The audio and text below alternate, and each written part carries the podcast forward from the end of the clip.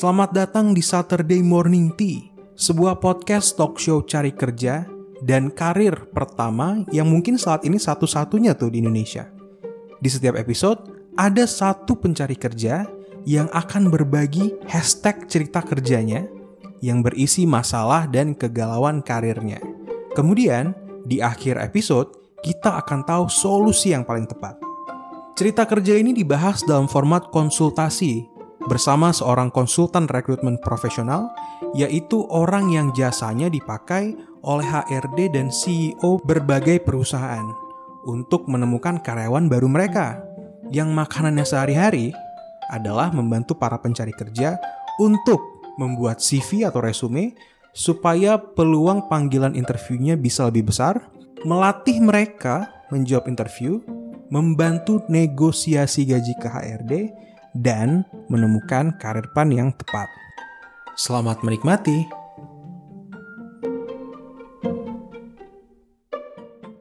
Halo Mas, apa kabar? Alhamdulillah baik. Gimana Safira kabarnya? Iya baik juga. Lagi di mana? Eh, di kamar di rumah di Oh, di Tarakan. Tarakan. Iya, iya Kalimantan Utara. Wah, Kalimantan Utara gila gila gila gila. Iya, Gue di Jakarta, lu di Kalimantan Utara ya. iya betul. Tapi sebelum Tapi sementara Mas. cuman ini ya, cuman apa Lebaran doang ya? Iya dinas Oh dinas. sebentar. Iya, Berarti udah bekerja dong sekarang? enggak eh, orang tua Mas. Oh, oke oke oke. Iya. Gimana gimana? Apa yang bisa gue bantu Safira? Eh, iya makasih ya Mas atas kesempatannya, waktu yang diluangkan.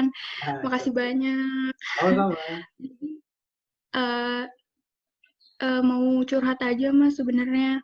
Gimana? Gue Jadi iya, jadi tuh eh, kan saya baru lulus Juni kemarin. Jadi eh, baru dapat surat keterangan lulus.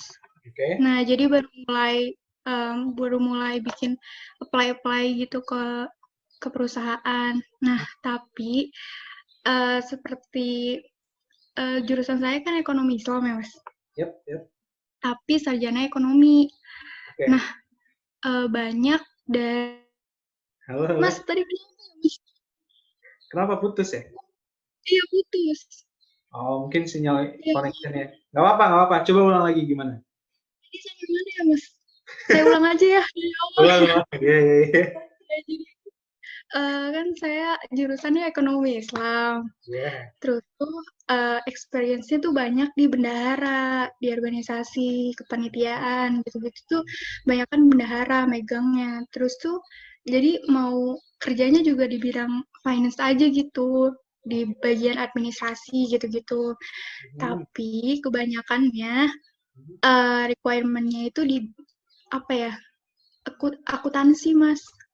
Oke, Tapi akuntansi dan eh se- sejajar apa ya bahasanya? Akuntansi dan di bidang pajak gitu, Mas. Mhm, mhm. Terus jadi apa saya apply aja ya walaupun dia requirement-nya akuntansi tapi eh tapi mintanya tuh bisa Excel gitu-gitu. Excel terus apalagi ya? Bisa eh treasury management. Mhm. Nah, saya bisa tuh Mas, tapi majornya beda, Oke. major field-nya. Tapi bisa nggak sih kalau kayak gitu? Oke, pelan-pelan ya. Soalnya banyak banget tadi.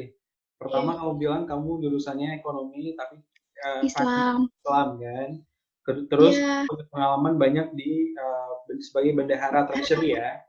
Nah, ya. Terus lowongan kerja yang kamu maksud ini apakah ada contohnya? Eh, ada sebentar. Ya, coba coba di-share.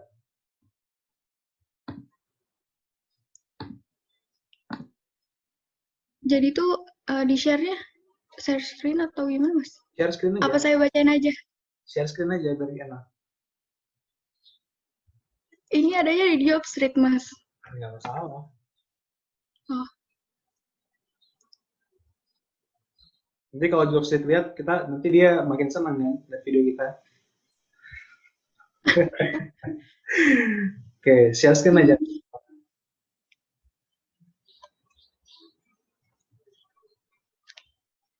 Sebentar, Mas. Ini saya belum saya loginnya di HP, Mas.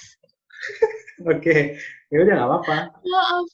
Nggak apa-apa, sampai take your time. Jadi itu dibilangnya minimal pendidikan S1 semua jurusan, diutamakan jurusan akuntansi atau ekonomi. Oke. Dan saya Oh, ekonomi ya? Islam kan, Mas. Oke, sip. Terus yang kedua, Terus yang kedua, memiliki pengalaman minimal satu tahun sebagai admin supervisor atau finance super- supervisor di perusahaan retail FMCG. kamu punya nggak? Nggak bisa ya, Pak? Nggak punya. Iya. Nggak boleh. Kalau ada experience satu tahun, nggak boleh ya, Mas? Harus yang Oh, fresh graduate. gini, kalau misalnya gini gini, kan itu ditulis jelas detail kan.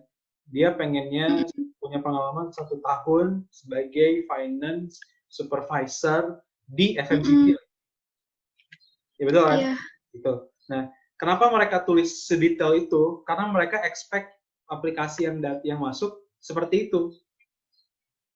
Nah, kalau kamu tuh- kalau kamu belum punya pengalaman itu terus kamu da- daftar, ya silakan aja, cuman jangan berharap terlalu banyak Iya. dipanggil gitu. Better kamu spend waktu cari yang relevan dengan pengalaman kamu. Kalau nggak ada yang relevan, tingkatin eh, jam terbang kamu gitu. Bisa di magang, volunteer organisasi gitu. Kalau nggak ada, tapi pasti ada. Hmm. Kalau dibilangnya akutan akuntansi atau related major, kayak saya berarti bisa nggak, Mas? Aku, ekonomi. Bisa, bisa. Kamu finance juga. Related major ya? Iya. Karena gini, kalau finance, kalau akuntansi pasti uh, ngomongin tentang balance sheet, ya kan? Mm-mm. Terus ngomongin tentang bla bla bla yang berhubungan juga dengan si ini kan, si finance Islamic finance kan. Iya. Ya, bahkan saya juga Apalagi experience-nya. Apalagi experience-nya gitu. Itu Mm-mm. itu oke banget, itu nggak masalah, itu oke. Lanjut. Jadi major nggak nggak masalah ya, Mas? Asalkan tulisannya accounting dan uh, apa namanya Related major. related major. Gitu. Oke. Terus, Terus, eh jadi saya sempat bingung mas di CV sama resa- resume. resume. Nah di CV, eh resume di CV itu dibedain kan mas. Setiap apply itu dibedain CV-nya. Nah, yang dibedain tuh skill atau experience. Nah, Oke. Skill, skill ya. ini uh, perbedaan CV dan resume ada perbedaan CV dan resume gitu. Yang satu lowongan kerja itu tuh satu resume bukan satu CV. Gini, kamu harus tahu Oh, dulu iya. definisi gini. Orang secara kacamata internasional, CV adalah kurikulum vitae bahasa bahasa ini ya, Mm-mm. namanya. Translasinya adalah, translationnya adalah course of life atau riwayat hidup.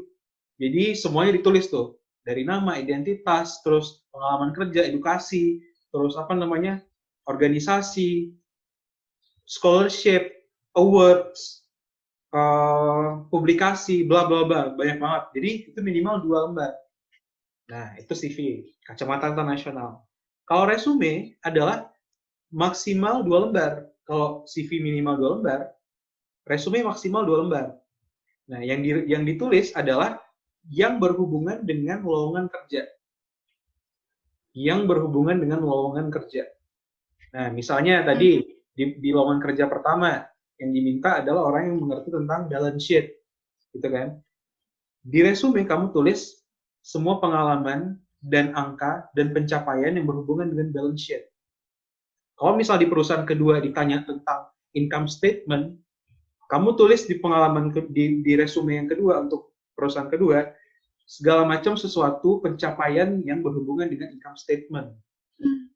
kayak gitu kasih angkanya gitu sih yang berbeda adalah uh, highlightnya ketika requirement yang berbeda pasti skillnya berbeda pengalamannya berbeda summary-nya juga berbeda gitu nah gini tapi tapi kamu harus tahu satu hal Safira banyak Ya, betul. recruiter di Indonesia yang masih menganggap CV sama dengan resume.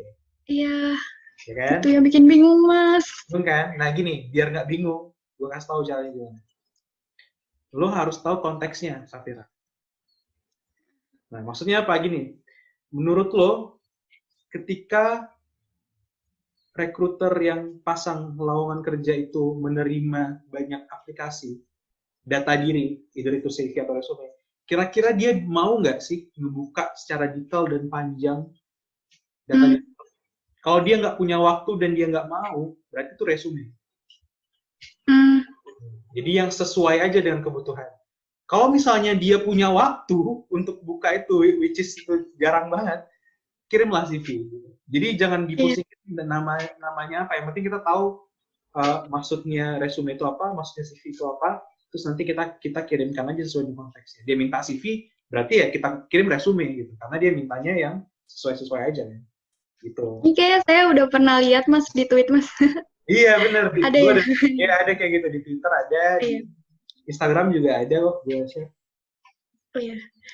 Terus yang ketiga, eh, misal nih di CV, eh, di CV atau resume itu ada experience segala macam kepanitiaan gitu. Nah, terus nanti eh, file pendukungnya itu apakah sertifikatnya harus dimasukkan semua? Apa gimana? Atau a- misalnya ada di ada di resume yang nggak dimasukin nih mas, resume kan dikit gitu ya, yang disesuaikan. Nah, sertifnya banyak nih, ada kepanitiaan yang lain gitu, ada volunteer yang lain. Nah, apakah boleh dimasukin ke file pendukung? Oke, ini pertama eh, tadi kan kita udah agree satu resume satu Mm, pengalaman pekerjaan kan. Iya, Jadi semua sertifikat, semua training pasti yang menyesuaikan dengan kebutuhan dari si Hmm. pekerja kan. Ya kan? Jadi Mm-mm. kalau, kalau misalnya nggak nggak relevan, jangan dimasukin. Dan yang pasti jangan dilampirkan. Oke, itu dulu yang pertama. Yang kedua, Mm-mm. mereka minta nggak dokumen pendukungnya? Kalau Eh, mereka minta, mas. kalau mereka minta dan mereka spesifik bilang lampirkan sertifikat kamu gitu dan Oh, ternyata kamu punya tiga sertifikat atau lima sertifikat gitu. tulis di situ atau buat aja satu compressed file yang yang di Mm. di zip di rar gitu kan ya tulis di situ sertifikat eh, sertifikat gitu certificates nah di situ ntar tulis sertifikat satu apa kedua apa yang nyambung dengan isi dari resumenya kayak gitu Mm, tapi jangan tulis Iya. semua. Jangan masukin semua. Masukin yang relevan aja.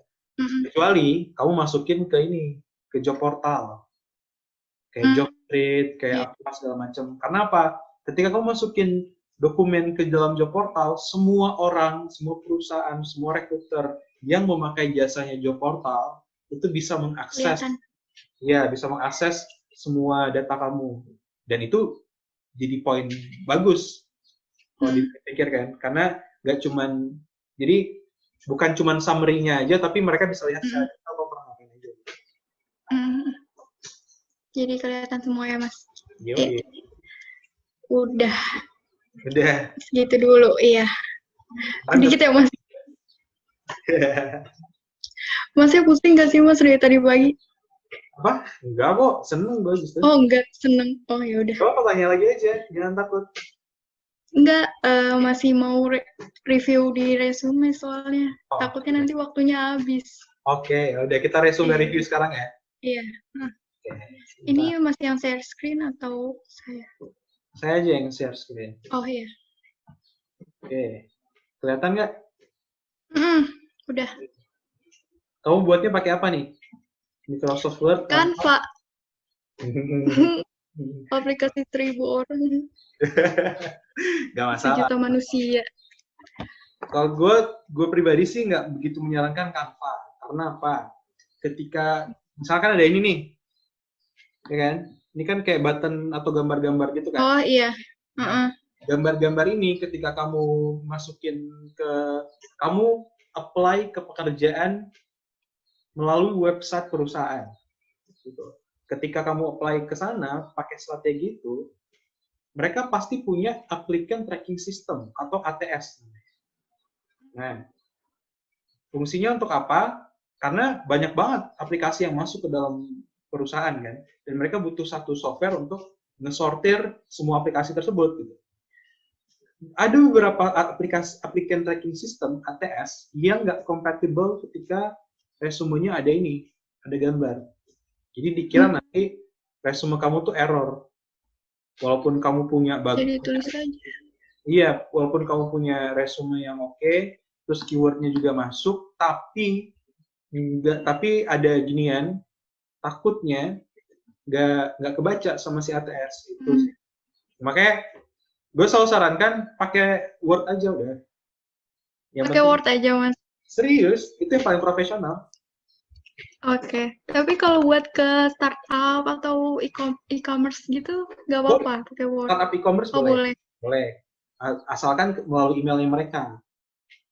Karena kan kalau uh. kalau melalui email kan mereka nggak ngelihat. Ini kan nggak by system kan. Mm -mm. Mereka langsung ngebuka sendiri via email mereka pribadi kan gitu asalkan asalkan make sure di situnya sih konteksnya yang penting tahu oke kita next ya yeah. nah ini oke okay nih sebenarnya ada nama panjangnya kan cuman karena privacy things yeah. oke okay, nggak masalah ini harus pakai nama panjang nice bachelor of mm -hmm. economics boleh ditulis boleh enggak nah di part about nih a motivated, Itu, motivated. economic and finance enthusiast. Lupa saya benerin mas, udah lihat tweet mas. ini nggak bermakna apa-apa ini. Iya. ini nggak ada bermakna apa-apa, ini mengawang-awang. Iya. Kalau rekruter ngelihat, hmm, gitu. hmm. Bodo amat gitu. Bodo amat, I don't, I don't, I don't care maksud lu apaan. Terus jangan pakai kata kedua ya. Eh kata, kata ini kan hmm, orang kedua. Hmm, jangan pakai kata kedua. Uh, ini karena ini memang resume itu adalah presentasi diri. Lo nggak merepresentasikan orang lain. Jadi pakai hmm. during my undergraduate studies, gitu. hmm. I was trusted as treasurer, bla bla bla. Nah, ini boleh nih. Uh, misalnya kamu apply untuk uh, posisi treasury gitu ya. Kamu tulis di sini hmm. during my undergraduate studies at uh, Universitas Diponegoro, Diponegoro, hmm. I was begini dengan I was trusted. I experience in seven uh, events as a treasurer gitu. Nah itu boleh tuh kasih angka di awal karena mereka minta treasury kan, eh, mereka minta treasurer kan. Dan kamu langsung di awal di about kamu langsung bilang, gue punya pengalaman sebagai treasurer. Gue nggak cuma punya ilmu, tapi gue langsung apply ilmunya. Nah itu tuh yang mereka mereka lihat. Dan kamu kalau bisa tulis sebagai treasurer itu berapa kali? Dan sebagai treasurer treasurer kan tujuannya apa? Supaya pem, apa namanya? Pembukuannya oke okay, gitu kan ya? Bukan ya? iya. Nah, terus, iya benar. Nah ya udah kau bilang aja pembukaan selama tiga tiga treasurer activity itu semua pembukuannya oke okay, dan on budget dan apa bebas kamu terus hmm. di awal itu di about. Langsung di summary-nya ya mas. Langsung di about-nya langsung di summary-nya. Karena hmm Yeah. Kalau kalau gue rekruter, gue banyak banget resume yang masuk. Gue pengen dari awal udah kejawab masalah gue apa gitu. Mm. Dan ketika lo tulis itu, lo langsung jawab masalah gue. Gue langsung mm. lihat experience-nya, lihat-lihat dikit, langsung gue lihat ke kontaknya, langsung gue telepon. Safira, kayak gitu. Jadi jangan jangan jangan pancing dia untuk baca-baca lagi. Dia akan baca. Langsung aja jawab dari awal. Gue bisa, gue bisa uh, solve problem lo. Oke. Okay. Gitu. Jadi about-nya uh, menyesuaikan dan kasih angka dengan ini ya, dengan yang dibutuhkan oleh si lockernya ya. Nah, yang kedua, kamu adalah seorang fresh graduate dong. Iya betul. Nah, that's why di sini setelah about uh, ganti dengan education. Education yang di bawah itu ya berarti? Ya, education yang di yeah. sini dipindahin ke sini. Hmm. hmm. Gitu. Kalau bisa kontaknya ke bawahin, aboutnya di sini, atau kontaknya hmm. di sini, aboutnya di sini. Hmm. Bisa. Karena kenapa? Bukan karena penempatannya, tapi lebih ke ketika gue buka resume lo, gue bakal fokus ke mana duluan. Gue pasti fokus iya. nih. Kalau misal gue ya, gue bakal fokus ke sini nih. Nama kan. Habis itu gue bakal fokus ke foto lo. Tapi kalau nggak ada foto, ya nggak nggak ini terus ke, ke, ke selanjutnya gue bakal fokus ke sini habis itu gue bakal fokus ke sini terus karena di sampingnya ada sesuatu ya, jadi fokus gue kepecah nih makanya gue sarannya hmm. jangan jangan pakai kanva kanva ini better yang satu Iya. streamline aja ke bawah. Tapi nggak, cuma nggak masalah. Jangan dua kolom gitu ya mas. Iya, karena kenapa fokus gue bakal kepecah nih, gue bakal experience lu bakal nih. Tapi nggak masalah sih, nggak itu minor gitu. Nah, setelah gue liat education, gue liat ini kan gue liat education nih, gue langsung tahu oh orang Mm-mm. Fresh graduate sesuai dengan apa yang gue ekspektasikan. Dan ketika fresh graduate ternyata eh dia punya banyak pengalaman di uh, organisasi. Nah, Mm. pengalaman organisasi kan ya? Bukan ya? Itu iya kepanitiaan organisasi yang bawah mas. Oh oke, kalau gini, Mm-mm. kalau gitu bilangnya gini. Ini setelah education bakal ada section yang baru. Di sini tulisannya jangan, eh, oke, udah, udah oke nih. Bisa jadi leadership experience atau activities, gitu. Mm. Itu bisa. Activities gitu ya. Ya activities. Eh tapi kamu udah pernah jadi student intern ya? Iya. Tapi sebulan dan itu cuman gitu doang nih mas. Tiga doang. Gitu doang gimana? Sebulan doang. Itu cuman kayak bikin buletin ekonomi. Terus yang berpengaruh cuman ini doang nih yang bikin program-program di BI Corner. Ya udah nggak apa-apa, doang. tulis aja. Iya. Misalnya nih, kamu tulis ya, form economic bulletin and organize uh, BI corner gitu. Economic Mm. bulletinnya berapa banyak? Satu, dua. Selama seminggu setiap hari. Ya udah, tulis form Tujuh. economic bulletin uh, berapa? Satu hari sekali tujuh, gitu. Iya. Heeh. Itu per minggu tujuh. Enggak, cuma satu minggu. Jadi Oh, tujuh buletin. Tujuh bulletin. Tulis, tulis. Form seven economic bulletin with the target satu apa namanya off satu bulletin per week. Gitu. Dalam Oh. kurung achieve 100%. Gitu. Jadi kamu kelihatan nih orang punya target dan bisa achieve target. Mm-mm. Walaupun targetnya kayak gitu. Tapi memang pertama-tama memang pelan-pelan, targetnya pelan-pelan dulu kayak gitu. Lama-kelamaan kamu bakal targetnya lebih banyak. Dan salary kamu Hmm. bakal menyesuaikan. Kalau kamu dilihat, wah nih orang buat bulletin, punya target, dan dia achieve, dia pasti responsible untuk dikasih responsibility yang lebih besar. Gitu maksudnya. Make sense? Padahal bikin buletin doang ya, Mas. Oh iya, misalnya kayak gini nih, nanti kita ketemu jam sekian gitu kan. Ketika kamu ketemu jam sekian nggak telat, itu namanya achieve target juga. Itu profesionalisme gitu. Kalau misalnya udah bisa profesionalisme dan dan nggak telat dan komunikasi yang bagus, kamu bakal dikasih responsibility yang lebih besar. Itu mindsetnya kayak gitu. Logika berpikirnya gitu. Kalau misalnya kamu dapat promosi, kamu buktiin dulu kalau kamu bisa dengan responsibility kayak gini, kamu udah jago, udah mahir. Udah udah semua deliver gitu kan. Apa yang diminta bisa targetnya eh, di targetnya bisa dicapai. Kalau udah kasih lihat ke bos lo nanti. Bos ini target yang lo kasih ke gue. Gue udah achieve 100% ditunggu ya. Kayak gitu Ini tunggu apa tuh? promosinya lah apalagi Iya, iya naik gajinya bonusnya segala macam iya betul. gitu. Yang penting kita solve problemnya. Solve problemnya, problemnya dinilai dari KPI kan, dari target. Nah tulis tulis nih, jangan sampai nggak tulis. Terus apalagi nih, creative various program. Nah programnya ada program apa? Berapa banyak programnya? Dampaknya apa? Itu improve. Tapi tuh improve-nya tuh eh cuman sebatas dengar-dengar aja gitu, Mas. Nggak yang ada datanya gitu. Eh bagus lu gitu. Eh maaf ya Mas, maksudnya saya dibilangin gitu. Bagus bagus apa namanya itunya programnya gitu. Pada baca no di perpustakaan gitu. Jadi nggak ada yang data Google Form saya ngebagiin kuesioner, terus ada data pretest, post-testnya gitu, Mas. Jadi kualitatif ya, nggak kuantitatif ya. Mm-mm, Tapi gitu. various programnya ada berapa program? Ada empat kayaknya deh, Mas. Hmm. Empat, Empat. udah tulis buat empat program. Tulisan Empat program empat. baru. di ituin nggak dijabarin nggak, Mas? Apa aja programnya? Uh, kalau kalau misalnya judul programnya atau konteks programnya sesuai dengan apa yang lo- lowongan kerja cari tulis kalau enggak kayaknya nggak usah deh mending Nggak. prioritas yang lain Nggak, nggak sesuai. Iya, nggak sesuai nggak usah oke. Oke. ini juga classify the paying order prepare official disposition paper itu berapa berapa banyak tuh official Selama disposition seminggu, Mas. selama seminggu Se- ada berapa banyak Seminggu. selama seminggu tiap hari ada aja gitu. Jadi tuh satu minggu satu departemen gitu mas, beda-beda. Nih yang tadi yang perpustakaan beda, yang buletin beda gitu. -gitu. Okay. Jadi beda-beda gitu. Selama sebulan totalin berapa? Empat minggu. Uh, ya, ini kan kamu selama hmm. selama empat minggu bakal classified paying order sama prepare official disposition paper kan? about deposit money. Nah, berapa banyak disposition official disposition paper sama deposit money-nya itu? Lima berarti hari kerja. Lima hari kerja. Gitu? Hari kerja, uh -uh, lima hari kerja. Oke okay, oke. Okay. Lima lima. Jadi official deposition paper tuh kayak gimana sih maksudnya?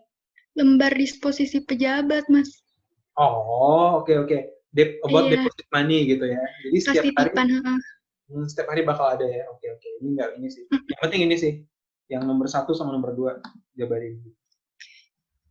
Oke. Okay. Itu di Kalimantan Utara ya. Oke oke. Nice. Iya. Eh, ini oke okay banget loh. Gue suka nih. Increase overall funding for, by 40% gitu kan. Iya. Start, ini oke okay banget. Nah, kalau misalnya kau punya kayak gini, dan ternyata yang diminta adalah fundraising atau sales atau BD gitu ya, kamu harus hmm. tulis ini wajib tulis ini di summary di, di about. Yang tadi tuh mas, yang overall funding. Ya, kalau misalnya uh, kamu overall. Fundraising atau sales. Oh, iya. Yeah. Ini udah oke okay banget. Treasurer juga oke okay nih. Creative financial plan manage over 80 million rupiah. Ini nice banget loh. Itu tulis di atas ini. Kalau tulis semua dong mas. Enggak, enggak semua. Misalnya oh, nih, enggak kan tergantung dari posisi. Kalau misalnya ini kan posisinya oh, iya. posisi sales kan. Nah, uh -uh. kalau kamu uh, apa namanya apply posisi treasurer, kamu gabungin nih 80 80 juta tambah mana lagi? Ada lagi nggak? Treasurer. Oh, harusnya diadain semua ya angka yang 80. Tapi yang lain cuma 10 juta, 20 juta doang, Mas. Enggak masalah. Nanti di sini Oh, enggak masalah. Ditotalin. I have experience as a treasurer in three uh, events to handle with the total of 150 million rupiah. Nah, itu itu bagus tuh. Itu oke okay banget. Terus mereka lihat, gila 150 juta nih anak gitu, fresh grad gitu kan. Sosokan banget. Hmm. Tapi dilihat. Oh, Padahal dipecah. iya, dipecah kan. Oke. Okay. Oh, iya.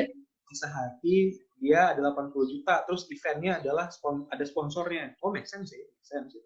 Ketika di seminar pasar modal, dia 10 juta gitu. Karena hmm. apa bla bla bla, oh make sense sih, make sense gitu. Jadi semua hal-hal yang tadi angkanya itu asalkan bisa dipertanggungjawabkan hmm. dan make sense, itu hmm. sangat-sangat oke okay dimasukkan. Ini udah oke okay banget nih, aku suka banget yang ini. Yang ini, yang ini, yang ini, yang ini udah ada angka-angkanya nih. Nice, ini, Berarti ini... laporan keluar keuangannya juga dikasih nggak sih, Mas? Laporan keuangan kepanitiaannya? Di? Nanti kalau ditanya. Oh, kalau misalnya nggak di, ditanya ya? Tahap awal nggak usah dikasih, gini aja dulu. Nanti, oh. Tapi kalau misalnya dia minta, kamu bisa kasih. Penting itu aja. Hmm. Gitu kan. Kalau di tahap awal, gini, kalau di tahap awal, lo nggak usah kasih segala macam yang dia nggak minta. Karena itu nggak dibutuhkan gitu. Yang mereka butuhkan cuma resume ya udah resume aja. Yang mereka butuhkan cuma resume dan cover letter ya dua itu aja. Nanti kalau misalnya udah suka nih dengan Safira, rekruternya baru diminta ijazah lah, SKCK lah, surat tanah lah, apalah, surat nikah lah, bebas, terserah mereka gitu. Tapi jangan juga sih dikasih kalau surat nikah, karena privasi. Yang penting pitching dulu dari sini. Kasih tahu dulu kalau misalnya hmm uh, Safira adalah orang orang yang bisa menjawab masalahnya perusahaan kayak gitu. Ini udah oke okay banget, oke. Okay. Terus yang di bawah organization, oke. Okay.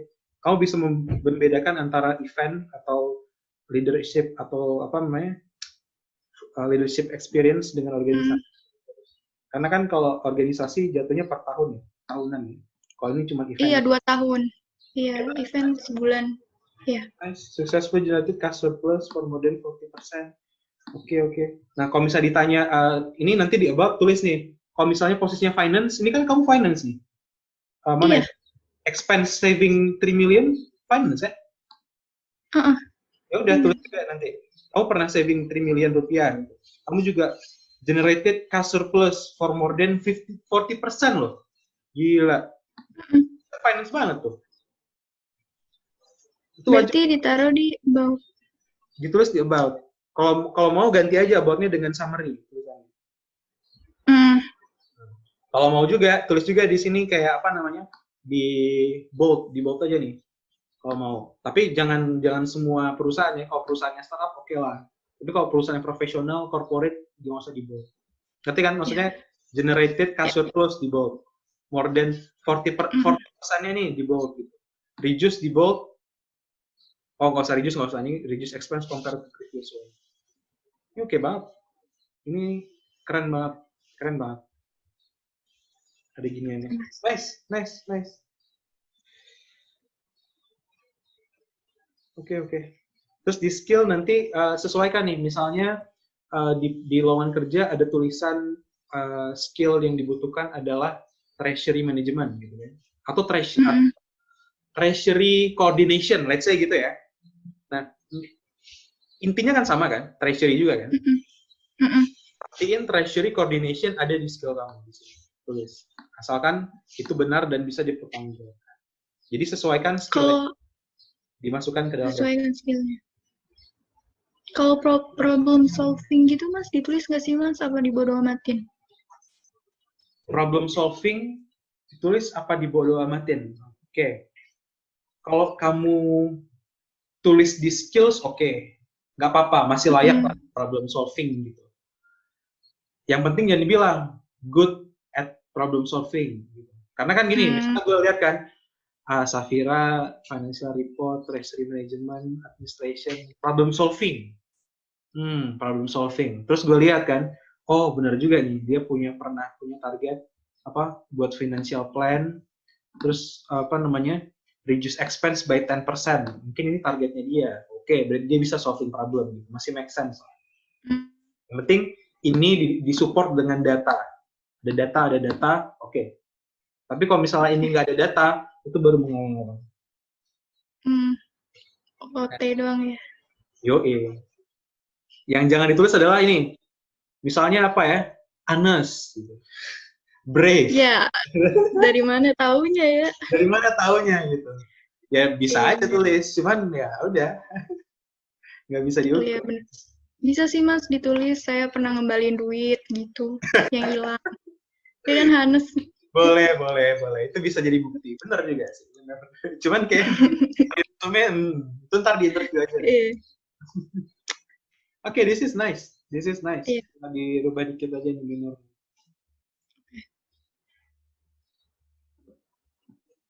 Nah, kamu apply ke mana aja nih sekarang? Ini udah oke okay nih. Dari segi resumenya udah oke. Okay. Strateginya gimana sekarang? Sekarang lagi nyari di bank syariah, Mas.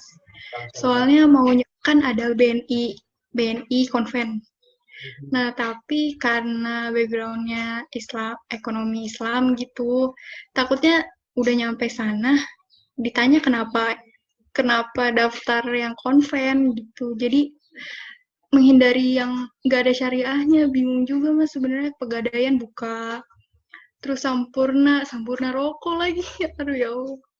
jadi kayak pusing sendiri nih nyari yang syariah gimana susah juga gini gini Sar dari kamu sendiri gimana kamu mau coba nggak di konvensional ini gue gue nggak pengen iya menjerumuskan lo ya gini kalau misalnya gue masuk ke konven, gue adalah seorang lulusan dari ekonomi syariah gitu. Gue bisa jadi penyalasan kayak gini, Sal.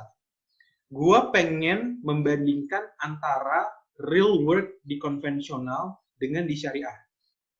Gitu. Ketika gue belajar di, di study di, di kampus, gue membandingkan syariah dan konvensional seperti ini. That's why saya yeah. mau coba untuk belajar di sini sekaligus solving problem atau kebalikannya solving problem dan belajar di konvensional dan nanti bakal apa namanya di compare di syariah gitu. Bisa jadi kayak gitu kan. Nah, tapi masalahnya oh, sesuai, iya. sesuai dengan ke, ke kepercayaannya Safira nih, apakah Safira hmm. orang yang harus benar-benar syariah atau gimana itu bebas. Itu, itu terserah. Jadi nggak iya kalau misalnya kalau mereka sih nggak masalah sih. lo dari Islamic uh, finance terus apa namanya masuk konvensional asalkan lo sendirinya nggak bermasalah nggak ada nggak ada masalah Mhm. riba segala macam gitu tujuan lo apa di sana gitu sih Cari kerja. Iya. nah Oke. jangan kayak gitu ya tujuan lo solving problem Nggak ya boleh ya. Oke. Iya, Belajar. cari kerja tuh kayak sesuatu yang lo pengen dapet Nggak dari boleh diomongin. iya Iya benar. Nggak boleh nggak boleh ngomong gitu. berarti berarti sekarang eh, gimana mau mau coba yang konvensional juga apa syariah dulu aja Kemarin nyoba di BI sih mas IDX. hmm, itu kan konvensional Itu intern. Internnya doang tuh mas. Belum belum nyampe itu. Sekarang kayaknya mau intern dulu deh. Nyoba-nyoba intern. Baru kerja. oke kenapa kamu berpikir kayak gitu karena butuh butuh pengalaman sih mas takutnya tuh gimana ya takutnya juga belum siap terus pengen belajar aja gitu. Soalnya yang si BI ini cuma sebulan. Dan cuman gitu doang kerjanya gak bener banget gitu. Maksudnya pengen yang kerja yang beneran gitu. Oke nice. Jadi intern dulu. Bagus bagus. Motivasinya oke. Coba aja dulu Iya. semua intern sama semua pekerjaan. Mana tahu ada pekerjaan yang kasih space untuk langsung ya. Ya kasih space untuk pengalaman seperti kamu ini. belajar. Iya sih bener. Ada juga yang fresh graduate. Iya. Btw ini udah lewat mas ya nggak apa-apa? Apa-apa. Ada lagi udah sih mas. Ya berarti nanti ini dirubah resumenya. Jadi iya di summary ya.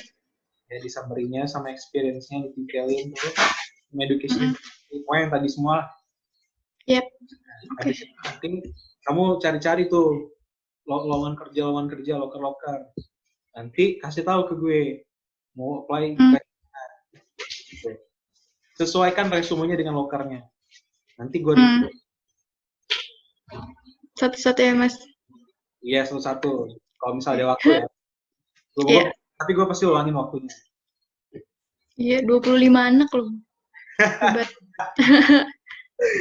Bener-bener ya udah ya makasih banyak ya mas. Sama-sama Safira. Semoga iya loh makasih internnya semangat terus ya. Amin. Iya semangat lagi mas. Habis ini ada berapa orang lagi ya? Dua ya? Ah, udahlah santai Iya. aja. Gue juga nggak tahu berapa orang lagi. Thanks ya. Have a good day Iya, Safira. makasih mas. Semangat. Yo. Jadi, gimana? Apa episode ini sudah menjawab masalah karir Anda? Kalau belum, silahkan cek www.gilmanamri.id dan daftarkan diri Anda. Siapa tahu cerita kerja Anda yang akan dipilih untuk episode selanjutnya. Oh ya, satu hal lagi nih. Gimana kalau sekarang kita bagikan channel ini ke teman-teman yang lagi cari kerja atau punya masalah kerja? Siapa tahu mereka terbantu dari konten-konten yang ada di sini. Sama-sama kita memberi manfaat ke lebih banyak orang. Kita plus satu kebaikan hari ini.